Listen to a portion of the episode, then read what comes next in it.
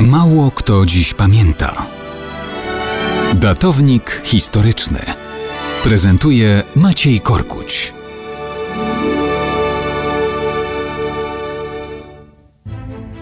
Mało kto dziś pamięta, że 12 lutego 1973 roku był ostatnim dniem życia Hansa Józefa Marii Globkego. Kim był Globke?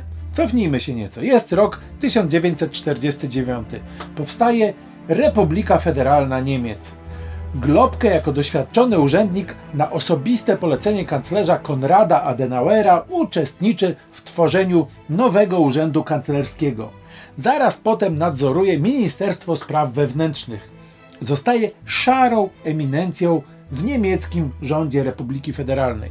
Zostaje ministrem sekretarzem stanu, szefem urzędu kanclerskiego. Adenauer ma swoje lata. Globke jest jego prawą ręką. Podejmuje kluczowe decyzje polityczne i personalne. Piękna kariera. Jednak nawet wtedy niektórzy przypominają, że Globke nie wziął się z powietrza. Ma bogaty dorobek służby na wysokich stanowiskach, również w administracji innego kanclerza, Adolfa Hitlera. Był on bowiem urzędnikiem Ministerstwa Spraw Wewnętrznych III Rzeszy, zaangażowanym w narodowo-socjalistyczną centralizację systemu państwowego. Życiowym dokonaniem Globkego był aktywny udział w przygotowaniu ustaw norymberskich, tych, które były wstępem do całego Holokaustu.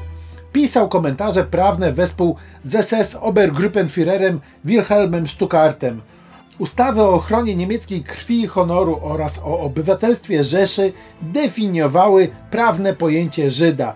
Oddzielały Żydów od Niemców, czyniły z nich ludzi drugiej kategorii, wykluczały z życia politycznego i społecznego, pozbawiały praw wyborczych, unieważniały istniejące małżeństwa zawarte między Żydami a tzw. obywatelami krwi niemieckiej. Stosunki seksualne między nimi uznawały za przestępstwo.